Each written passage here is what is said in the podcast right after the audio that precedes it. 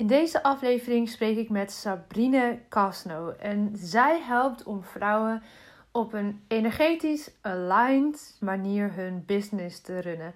Nou, dat kun je, kun je van alles bij voorstellen, of misschien juist helemaal niks. Maar in deze aflevering gaat Sabrine je meer vertellen over wat dat dan precies is, voor wie dat precies is en wat dat kan betekenen voor jouw business. Het was een super fijn gesprek waar je alleen al door te luisteren, denk ik, heel rustig wordt door de manier van vertellen van Sabrine. Ik werd in ieder geval heel kalm en zen van haar vibe.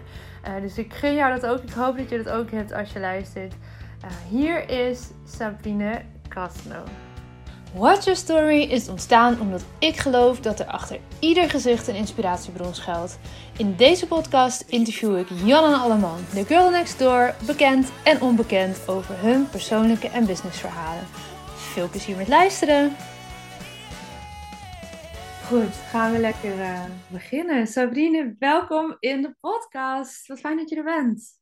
Dankjewel, fijn dat ik er mag zijn. Ja, we hebben elkaar al heel vaak online voorbij zien komen. In ieder geval, ik wel jou. Ik weet niet of het andersom ook zo is, maar ik jou wel. En um, ik ben echt mega nieuwsgierig naar jouw verhaal. Maar voor we daarin duiken, ben ik ook heel nieuwsgierig. Wie is jouw grootste inspiratiebron? Ja, hmm, mooie vraag. Eerste instantie, ja, wie, wie? Er zijn natuurlijk zoveel.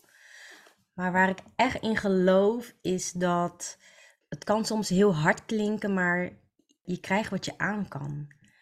En, ehm, en ik geloof daarin dat, dat je echt ja, vanuit die positiviteit, vanuit geloof eigenlijk dat het goed komt, ondanks is het hè, eindpunt hartstikke donker.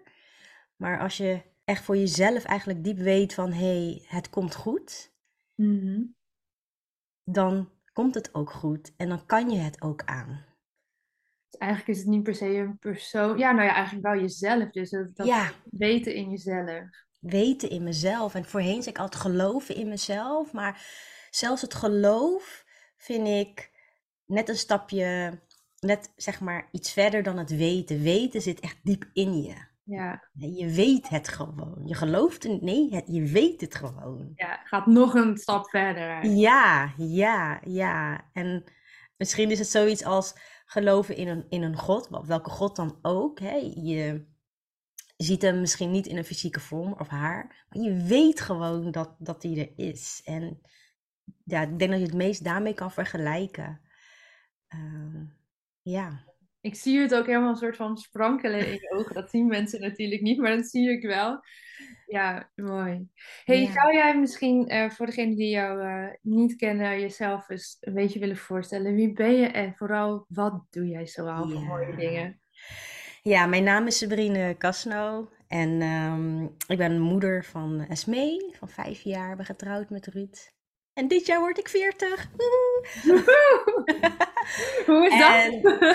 wat zeg je? Hoe is dat? Hoe is dat? Oh, ja.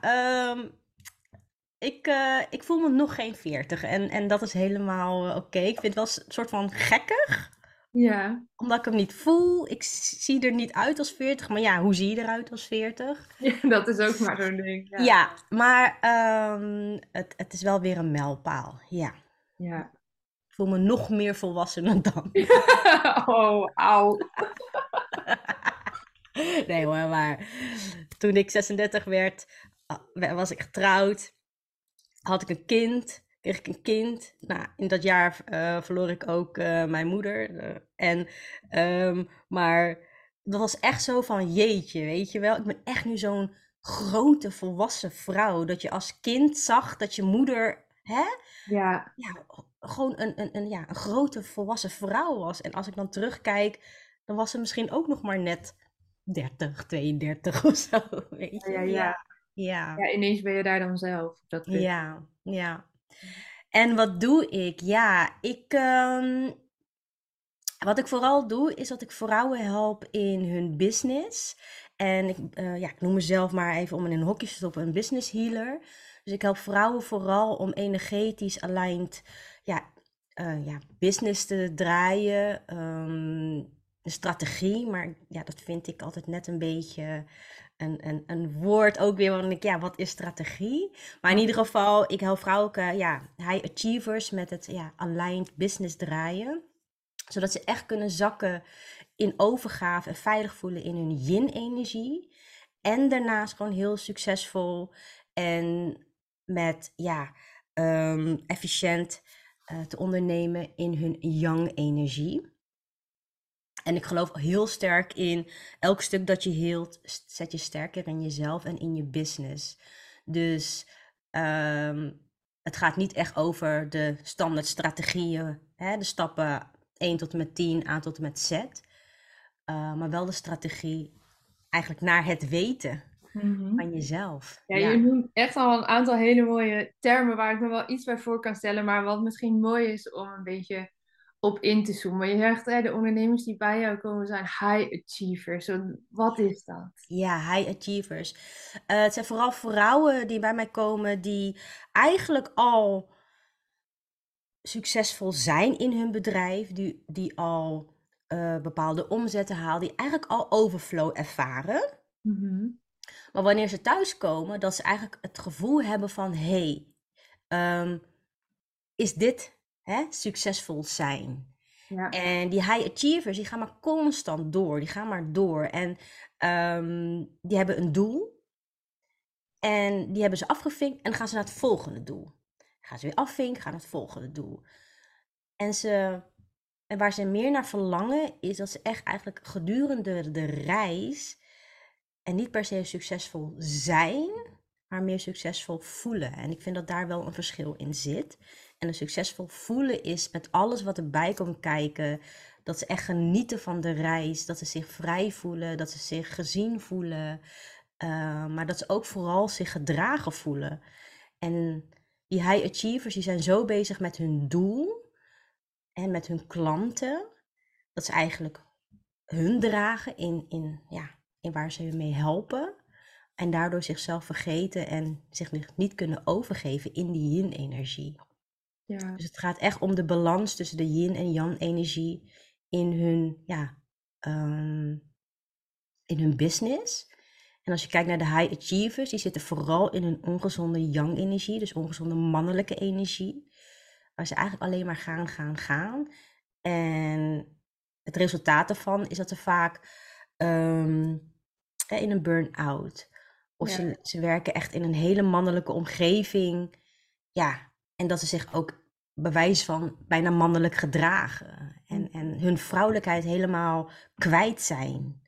Ja. ja, dit is ook echt wel iets wat je letterlijk ziet gebeuren in onze maatschappij. Hè? De afgelopen jaren al en misschien al ver daarvoor. Dat ja, uh, ook die termen als uh, powervrouw en businesswoman. En, en niet dat dat uh, per se slecht is, maar het is wel een soort van die kant op gedrukt, want dat is hoe we het zien als goed. En vooral ook wat jij zegt, succesvol. Ja. Dat, dat, er veel geld is, omdat je een huis kan kopen, dure vakanties, mooie kleren. En dat is denk ik ook als ik het zo hoor, dat je dus heel erg in die young-energie zit. Dat je... Op dat moment wel, ja. Ja. En wat je dan ziet is wij, hè, veel vrouwen, dat eigenlijk Ehm, wel of niet uitgesproken verlangen naar meer ook die flow, het zachte, het vrouwelijke. Ja. Ik je goed? Ja, wat er nu gebeurt is eigenlijk, hè, ze, ze zitten eigenlijk in een overflow gewoon door alleen maar te gaan. Door alleen maar te husselen, door hè, gaan, gaan, gaan. Waardoor ze zichzelf vergeten, waardoor ze minder contact hebben met hun lichaam. En misschien zelfs dat ze naar iets anders verlangen, naar een andere manier van ondernemen of een andere manier van in het leven staan maar dat dus niet durven, omdat dit het enige is wat ze kennen en wat ze geleerd hebben. Zo hebben we het geleerd met z'n allen. Ja, en um, door zichzelf eigenlijk te healen, hè, door, door, door trauma's heen te gaan, um, ja, heel je ook, of heel je ook eigenlijk je bedrijf. Ja. Dus mijn bedrijf ook heel je hart. Ja. En ja. Uh, het is eigenlijk het gehele hart, maar ook heel je hart, hè, door, door te healen, even op zijn Engels. En, um, en wanneer je dus echt meer in die vrouwelijke energie gaat, ga je ook meer intuïtief luisteren naar je, naar je diep weten. wat gewoon in jou zit. En daarmee natuurlijk ook weer energetisch meer ontvangen in je business. Ja. Dus wat er gebeurt is in plaats dan dat je constant achter iemand aangaat, hè, ga je meer ontvangen, ga je meer magnetiseren. Dus je gaat echt mensen aantrekken. Ja. En zonder namen te noemen, hè, uiteraard. Wat voor soort trauma's zie jij voorbij komen bij deze vrouwen die geheeld mogen worden? Vooral, ehm, vooral hè, ja, eigenwaarde. Dus het niet gezien voelen, niet gehoord voelen. Ehm, en de trauma's, dat kan uit zijn, gewoon echt, het kunnen hele kleine dingen zijn. Dat hoeft niet eens enorme, ja, hè, ik, ik, wij leggen zelf de lading op, denk ik, op de trauma. Dus wat een grote trauma, wat een, hè, ehm, maar wat je... juist de hele kleine gebeurtenissen superveel impact hebben op leven en business. Ja, ja, maar gewoon heel simpel hè, het huidige schoolsysteem, waar je eigenlijk in een momentopname een toets gaat maken. Ja. En um, dus op dat moment zit je misschien niet lekker in je vel of hè, en dan haal je een lagere cijfer. En dat ja, moet je dan weer opkrikken, beter maken om over te gaan. Ja. Hè, dus dat, dat kan al enorm veel impact hebben. Maar ook gewoon van hè, de kleine uh, zinnen zoals uh, doe normaal. Ja, wat is normaal? Ja. Ja. Dus het kunnen gewoon de, de, ja, de, de, de dingen zijn die we nu heel normaal vinden maar, vinden. Maar het kan natuurlijk ook seksuele trauma's zijn. Of uh, overlijden. Hè? Ja, ook de trauma's zoals we het vaak bestempelen als trauma. Inderdaad. En wat we nu doen, is dat we daar doorheen praten in uh, therapieën. En, maar ik geloof uh, ook heel sterk dat het vastzit in onze lichaam. Mhm. Die trauma in energie. En het, e- Ga jij dat ook, um, dat vind ik zelf namelijk heel interessant en geloof ik ook echt in, dat, dat je gaat kijken als er bepaalde plekken pijn zit of eh, dingen dat dat echt opgeslagen zit in het lichaam. Um, en vanuit daar gaan we redeneren van, hé, hey, wat, wat zegt jouw lijf nou eigenlijk echt? Ja, klopt. Dat doe ik. Dus uh, ik praat eigenlijk door uh, wat ik vooral doe, is ik zie eigenlijk alles als ja, een spirit, als energie. Ja. En uh, wanneer er dus een pijnpunt of een drukpunt of een sensatie voelt in je lichaam. Dus stel, uh, wat je heel veel ziet in business en zeker bij, denk ik, beginnende ondernemers, is dat ze niet voor hun prijs durven te staan. En uh, hè, of ze vinden zichzelf dus niet waard, of ze durven het niet, en hè, et cetera. Ik denk dat iedereen, elk ondernemer daar wel eens mee te maken heeft gehad. En wat ik dan doe, is eigenlijk van, oké, waar voel je dat in je lichaam als je daarover praat, over de prijzen?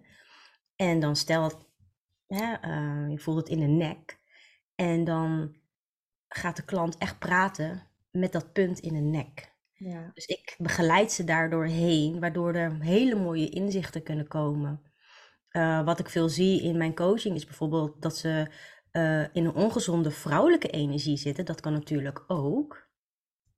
En dat uh, ze niet naar de mannelijke energie durven te gaan, omdat er dus bijvoorbeeld een trauma is dat ze zijn verlaten door hun vader, of dat hè, de vader niet in beeld was, of Hè, dat ze alleen maar mannen om zich heen hadden. En dat ze gewoon zich niet veilig voelen. En dat is het vooral. Uh, waar ik vrouwen eigenlijk bij help, is veilig voelen in elke situatie. Ja, ja heel mooi. Want er zitten zoveel elementen in eigenlijk wat jij doet. En eh, als we het hebben over sowieso wet van aantrekking, maar ook heel systemisch kijk je eigenlijk naar, eh, naar de families, hoor ik je zo, nou ja, tussen neus en lippen door zeggen. Uh, uh, in gesprek gaan met je lichaam zelf. Ja, ik heb dat mogen ervaren een keer in een opstelling en dat is zo transformerend geweest. Ja. Echt mega, mega transformerend geweest. En ja. Daar haal je, ja, dat klinkt, als je dat misschien zo hoort, je gaat in gesprek met een deel van je lichaam. Dat klinkt heel gek misschien als je dat nu zo voor het eerst hoort. Maar als dat iets is waar je voor open staat en je gaat echt luisteren naar wat je lijfje vertelt, dan zit er zoveel informatie in. Dat is echt waanzinnig. Maar we zijn dat, nou ja, A, denk ik, niet geleerd dan wel verleerd. En het wordt vaak ook een soort van afgedaan van, nou, uh, ga jij maar lekker verder zweven. Ja, ja. Dus dat is wel de reactie die ik soms krijg van mensen. Dan denk ik, nou, weet je, prima, loop jij lekker nog even door met pijn in je lichaam. Maar voor mij werkt dit heel goed. En ik denk Ja. voor jou ook, maar kom daar maar zelf achter. Ja, ja ik, ik moet wel zeggen, ik werk niet echt letterlijk met eh, familieopstellingen of opstellingen, maar ik denk wel dat het allemaal ja, eh, kleine stukjes zijn en dat het her- herkenningspunten zijn van, oh, zo is ook echt het systematisch werk. Want dat is, Ja. ja, Ik hoorde het je we. wel zeggen, hè, trauma van verlies van bijvoorbeeld vader. of- Inderdaad, maar in mijn hoofd nu, dat zegt mijn hoofd natuurlijk, niet mijn ego, maar hey, jij doet geen systematisch werk, hè? Ja, maar dat doe je wel degelijk. Maar je gaat misschien geen opstelling neer met mensen, maar je doet het Dat. wel degelijk, zonder dat je het door hebt misschien. Ja, ja, dat dus. Ik doe niet de opstelling, inderdaad. Nee, precies. Ja. Maar je neemt Maar het wel mee. Waarschijnlijk wel gewoon natuurlijk gewoon op dat moment in, Ja. hè, ehm, in, in de sessie eigenlijk. En wat het eigenlijk is, is dat we allemaal gewoon kleine wondjes hebben. Ja. En, en, en die worden elke keer weer aangehaald, opengehaald. En het gaat er niet om dat het weer dicht moet, hè, dat we het hè, dichte helen. Ehm, maar het gaat erom dat we daar meer van bewust zijn. En dat we op het moment dat het nodig is, dat we daar even aandacht aan besteden. Ja. En wat we vaak doen is onderdrukken. Dus dan stagneert natuurlijk ook de energie in je lijf, waardoor het zich opstapelt. Ja. En wat ik veel zie eh, bij vrouwen, eh, en vooral de, de echte de, de high achievers, en dan heb ik misschien over een, een partner binnen een corporate bedrijf of een, ehm, een vrouw die eh ja, managementfunctie heeft, ook, en die dan constant gewoon zo bezig zijn op dat moment eigenlijk alleen maar met werk, dat ze zoveel lichamelijke klachten hebben. En ja, eh, ze hebben geen idee. Ze gaan elke keer naar de dokter en, en, en hier een eh, pilletje en daar. En ik zie alleen maar gewoon eh, opgestapelde, ja, vastzittende energie waar ze niet naartoe gaan. En ja, daarmee help ik ze eigenlijk om dat ja, los te laten. Ja, ik vind het fascinerend en heel mooi. Het, raakt natuurlijk ja, dingen in mijn eigen verhaal, maar ook in de dingen hè, waar ik mee bezig mag met mensen. Ehm, ik werk samen met Paula Dillema heel veel. Zij is systemisch coach, dus ik herken veel van de dingen die je zegt. En het is zo, ik ik snap helemaal dat je daarvan aangaat en dat dat zo enorm transformerend kan zijn, ook voor de mensen met wie je mag werken. Ehm, Ja. Ja, ik kan je daar helemaal in volgen. Waarschijnlijk vijf jaar geleden, als we dit gesprek hadden gehad, had ik gedacht, waar heeft ze dit, waar heeft ze het over? Maar inmiddels... Ik Ja. ook. ja, ik ook echt- hoor. Ja, voor mij is het ook niet, nog niet eens zo heel lang geleden. Maar op een gegeven moment, ja, in het proces, dan kom je zoveel dingen tegen. En ik sta gewoon open voor, voor eigenlijk alles. Ja, ja, dat is het. Hè. Op een gegeven moment ga je openstaan om te voelen, om te ontvangen. Niet alleen zeg maar geld ontvangen, maar ook signaaltjes ontvangen, tekens ontvangen, eh, gevoel kunnen ontvangen van de ander. Ja. En ja, dan is er, ja, als je eenmaal een soort van open staat, ook niet echt meer een way back, volgens mij. Ja. Ja. Wat ik mooi zou vinden, ehm, zou je ons misschien meer kunnen vertellen, hè, in relatie ook tot wat je net allemaal hebt uitgelegd over jouw eigen verhaal? Ja. Kun je, je zegt net, hè, je wordt, je wordt 40 dit jaar. Neem ons dus een heel stuk mee terug in de tijd naar eh, de kleine Sabine. Oh jee, Hoe ja. is dit zo een beetje door de jaren heen ontstaan? Wil je daar ons meer over delen? Eh, nou, ik denk dat voor mij alles helderder werd op het moment dat mijn moeder overleed in 2017. Eh, ze had een lange ziektebed. eh ze had op jonge leeftijd Alzheimer. Ze, had, eh, ze was 47 en overleed op 47, 48, eh, 58-jarige leeftijd. En ehm, dus eigenlijk daarna ben ik eh, ja, in coaching gegaan en ehm, voor rouwverwerking. Ja, Uh, maar eigenlijk eh, kwamen er allerlei trauma's omhoog. Rouwverwerking had ik eigenlijk bijna al. Ik had al gerouwd om mijn moeder. Want het is natuurlijk een heel proces, tien heel jaar proces. lang. Eigenlijk al levend rouwen. Ja. Inderdaad, je weet gewoon, op een moment gaat ze je niet meer herkennen. Op een moment overlijdt ze gewoon aan de gevolgen van, van de ziekte. Ehm, dat, dat, dat dat zo langzaam, dat je zo langzaam eigenlijk steeds meer afscheid moet nemen van je moeder, zo jong al. Ja, dat is. eh, en ik was dus rondom ja, 24, 25 toen dat gebeurde. En dan zit je eigenlijk in de bloei van je leven. Hè? In die zin van, ja, je bent net klaar met school. Je, je, eh, op dat moment eh, had ik net geen relatie meer. Maar kwam ik uit een relatie. En ja, ehm, dus eigenlijk eh, in die, in die tien jaar ben ik altijd heel positief gebleven van oké, wat is er nu en hoe kan ik nog genieten van mijn moeder? Terwijl denk ik in heel veel ziekteprocessen mensen al denken aan oh, ze gaat straks dood en ze kan dit niet meer en ze kan dat niet meer. En ik focuste me heel erg op wat kan ze nog wel. Dus uh, ja, waardoor het gewoon wat lichter werd. En ik wist gewoon, uiteindelijk ga ik volledig afscheid van haar nemen. En aan het einde was, het eigenlijk, was ik eigenlijk een soort van blij dat ze ging, omdat het, ja, kwaliteit van leven was natuurlijk helemaal niks meer. En dat gun je niemand. Mm. En dat ze gewoon rust en dat ze gewoon van, oké, weet je, ze kan nu van een andere kant, ja, genieten van wat er is. En ja, in die coaching uh, traject ben ik eigenlijk achtergekomen van hoeveel impact de scheiding van mijn ouders hebben gehad op mij bijvoorbeeld. Hoeveel impact heeft gehad dat ik op negen jaar leeftijd ben, uh, nee, jaar leeftijd ben verhuisd van Den Haag naar een klein dorpje van, nou ja, één bij één, weet je wel, één straat. En uh, als, als bruine meisje in een, ja, eigenlijk een witte um, wijk waar iedereen je kent, hoeveel impact dat heeft. Wat had dat voor impact? Sorry? Wat had dat voor impact? Nou, uh, op dat moment kende iedereen mij. En dan denk je van, nou, dat is toch leuk, dat is bijzonder. Maar iedereen wilde wat van je. En ik, kom, ik kwam uit, een, uit Den Haag, weet je, waar niemand elkaar kent, zeg maar, bewijzen van. Dus iedereen wilde wat van mij. Dus het was gewoon heel overweldigend. En het idee van, oh, als ik in de plaatselijke supermarkt kwam en dat ze dan zeiden... hey, jij bent toch dat meisje van de zandakker? Dat ik dacht, wie ben jij? Weet je wel? En als elfjarige meisje gewoon zoveel aandacht. Uh, en misschien niet per se omdat ik uh, bruin was, ben.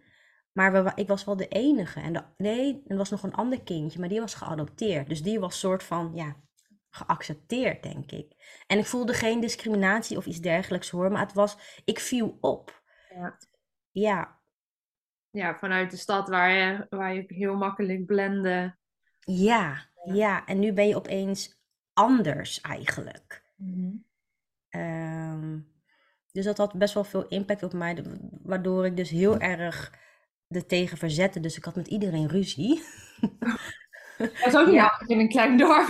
Nee, nee, weet je wel. En, en eh, dat mijn moeder gegeven moment, of dat moeders aan de deur kwamen van ja, ze heeft ruzie met die en die. En dat mijn moeder dan zei, ja, laten we dat zelf uitzoeken. Ja, weet je wel. Uh, ja, dus iedereen bemoeide al op dat moment met mij. Terwijl ik eigenlijk zelf wilde ontdekken van hé, hey, wat is hier? En ja, dus er kwamen eigenlijk heel veel ja, ja, trauma's. Uh, mijn moeder was, is gescheiden, laten we hertrouwd.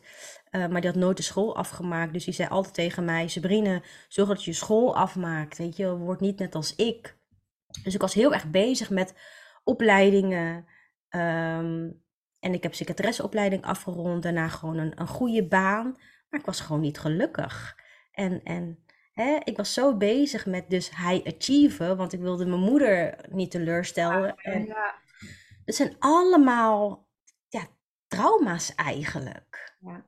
ja, ik vind het ook mooi dat je het zo schetst. Want bij het woord trauma denken we vaak echt aan een groot ongeluk, misbruik, noem maar op.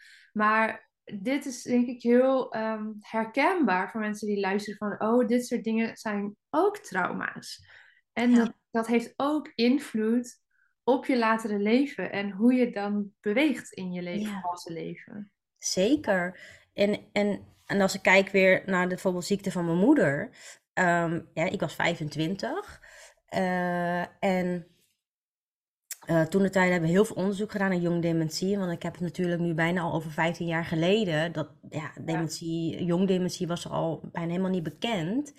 Dus um, ik ontmoette ook andere mensen. En er was bijvoorbeeld een, een kindje, nou ja, een kindje, een meisje van een jaar of tien, denk ik, waarbij haar vader uh, ook op jonge leeftijd dementie uh, had. En dat ik dan zei, ja, maar voor mij is het niet zo heel erg. Ik ben al 25 en dat kindje is 10. Ja. Maar eigenlijk maakt dat niet uit. Nee. En daardoor zette ik mezelf, zeg maar, nou ja, onderaan. En ik had dan niet de zorg nodig. Ik had dan niet de liefde nodig. Dat kindje had veel meer nodig dan ik, want zij was nog maar tien. Ja, precies. Terwijl jij bent ook het kind van. Ik ben ook een kind van. Dus hè, wat, wat je ook dan heel veel ziet, is dat het innerlijk kind weer omhoog komt die om aandacht vraagt. Ja. En zo kom je dan erachter, waardoor je misschien wel juist die high achiever bent. En ik ben er zelf ook één van geweest. Dan constant willen gezien worden. Want je zet jezelf opzij enerzijds. Maar de anderzijds doe je heel erg je best om gezien te worden. Ben ik goed genoeg? Mag ik er zijn? Doe ik het In- goed? Zie je Inderdaad. mij? Hoor je mij? Ja, Ja. inderdaad. En dat Ja. is misschien ook wel de kern van het ja, probleem, ik doe zo tussen haakjes, wat we hebben met z'n allen in, nou zeker onze generatie, maar ik, ik hou me hard vast voor de jongeren na ons, ehm, dat we met z'n allen een maatschappij hebben gecreëerd waarin ja, het eigenlijk alleen nog maar draait om, om gezien worden, maar op de, in, ja, op de verkeerde manier zou ik willen zeggen Ja, ja. als je kijkt naar eh, social media bijvoorbeeld, maar ook naar ja, op scholen en dingen die daar gebeuren. Ehm, het echte gezien worden, wat we eigenlijk zo nodig hebben. eh, ja, het lijkt bijna moeilijk of zo om dat te organiseren tegenwoordig. Ik ga toevallig eh, morgen, ehm, deze podcast komt pas later online, dus dat, dat, is dan een paar weken geleden als jullie luisteren. Maar eh, dan ga ik naar Groningen, waar ik zelf eh, heel lang heb gewoond. En ga ik samen met, eh, met Paula hebben we een kampvuuravondje georganiseerd. Gewoon niks business-wise. Mensen hoeven er niet voor te betalen. We gaan niks verkopen. We hebben ook alleen gewoon een paar mensen uitgenodigd waarvan we dachten: oh, nou, die fijn, gezellig. Daar hebben we zin in om ze uit te nodigen. En ehm, ja, eigenlijk het enige doel is bij elkaar komen en die verbinding even voelen. En gesprekken voeren die mogen, gevoerd mogen worden. En that's it. Een hapje Ja. erbij, drankje erbij. Want ik zei op een gegeven moment, ik hoorde me nog zeggen, een paar weken geleden tegen Paula, ik zei, ik ben er zo klaar mee met dat alles de hele tijd online gaat. Ik wil gewoon weer iemand kunnen zien en kunnen knuffelen als ik dat wil. En Mm, rond een kampvuur zitten. En zei ze, nou dan doen we dat toch gewoon. Ja. Maar dat lijkt een soort van uitzondering. Terwijl eigenlijk, als ik het dus zo vertel aan mensen, dat iedereen zegt: Oh, heerlijk, mag ik erbij zijn? Heb ik ook zin in? Of ik kan niet, wanneer doen jullie het weer? Dat is echt wel een, een beweging waarvan ik hoop ook dat dat weer meer gaat komen. Omdat iedereen nu echt die pijn en verdriet ook Ja. kan voelen van het missen daarvan. Dus ik Ja. voel het, dus ik kan, het kan niet zijn dat ik de enige ben. Nee. Heel herkenbaar hoor, want ehm, ik organiseer ook one day retreat, ceremonies. Ja. Eh, ik heb een ja, grote tent achter in de tuin, die, die gaat wel met de winter weg, want anders trekt hij Ja, het niet. Nee, logisch. Maar... Ehm, maar waar het eigenlijk inderdaad om draait, is gewoon die verbinding. En vaak de klanten die bij mij komen, en misschien herken je dat ook, gaat het niet eens inderdaad om misschien meer geld verdienen of hè, een, een, een business opbouwen. Het, gaat erom dat ze zich dus gezien voelen, gedragen. En vooral dat, gedragen en veilig voelen.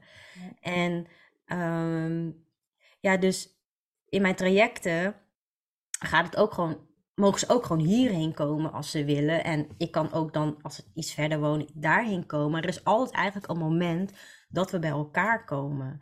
En je ziet dan eigenlijk in, ik, eigenlijk zie ik het hele leven ook als ceremonie, weet je wel. Alles gewoon met meer verdieping, met meer elkaar gewoon, ja. Hè, wanneer je gaat trouwen, ga je ook een, een, een commitment met elkaar aan.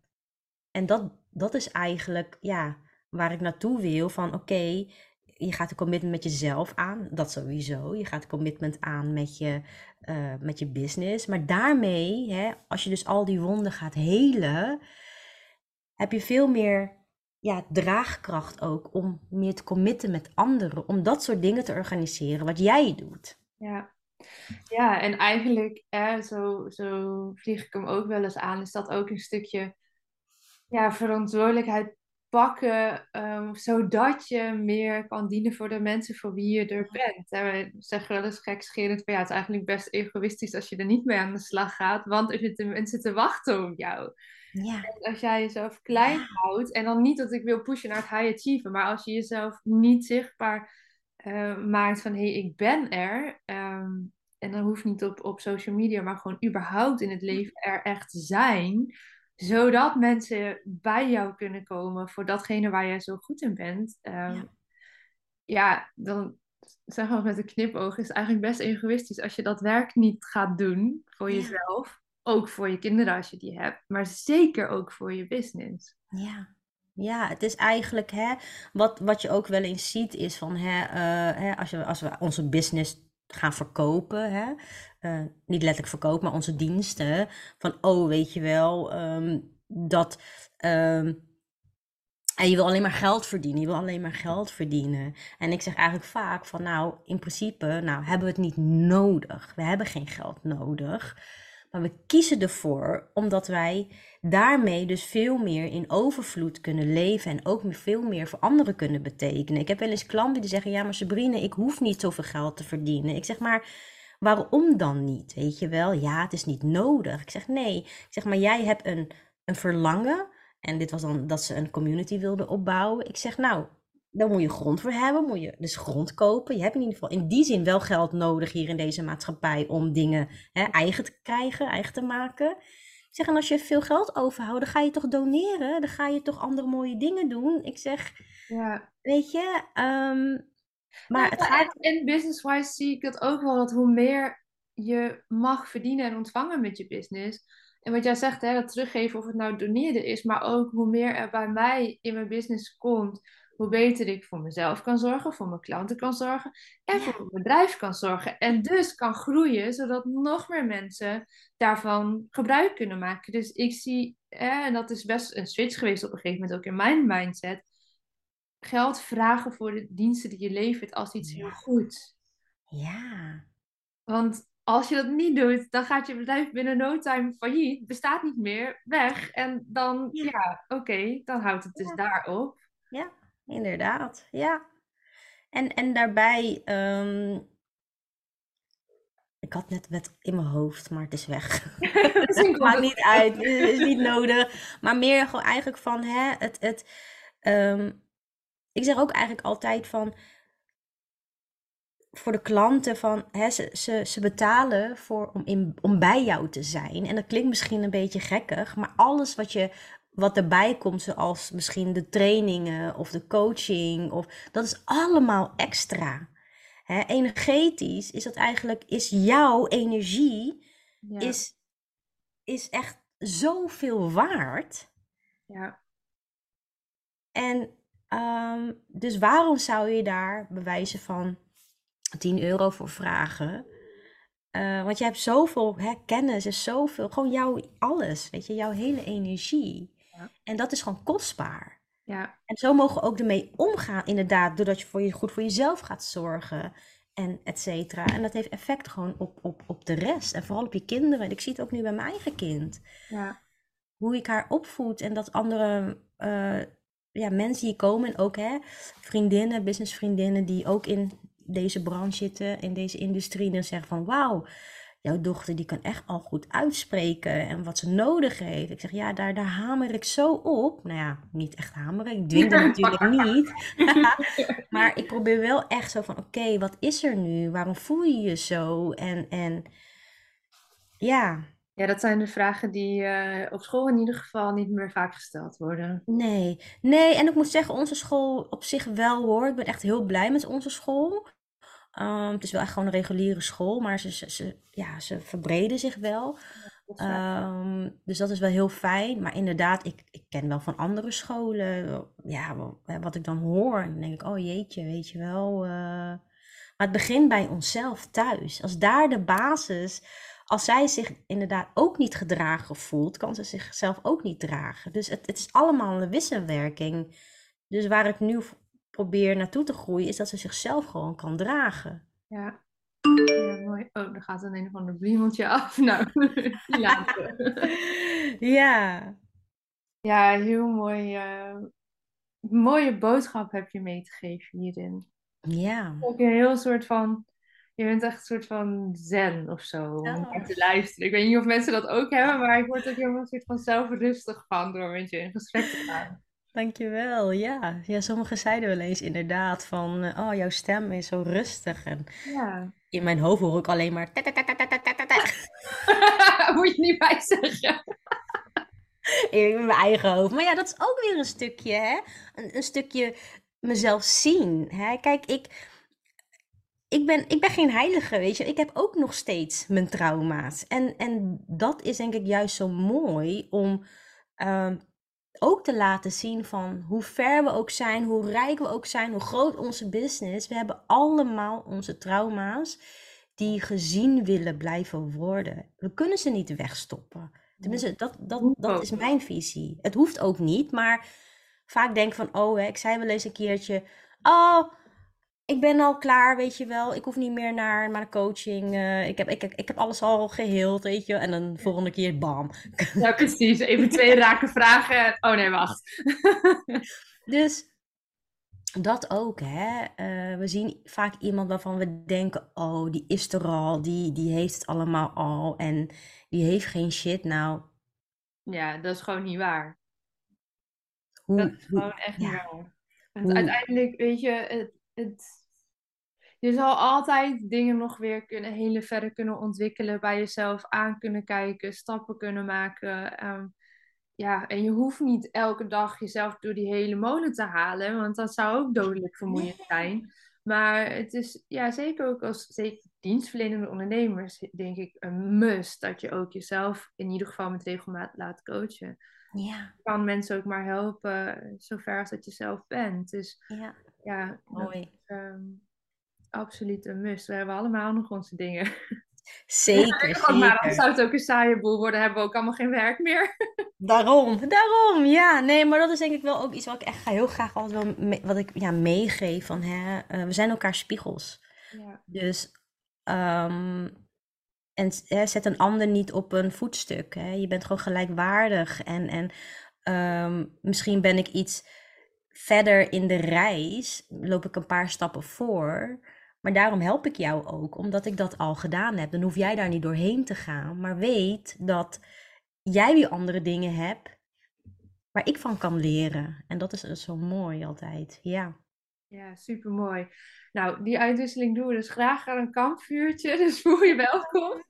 In Groningen? Ja, het is wel niet heel dicht bij jou, hè, volgens mij. Nee, nee. Maar mocht ik in de buurt zijn, dan... eh, Ja, dan moet je het zeker een keer laten weten, sowieso. Ja.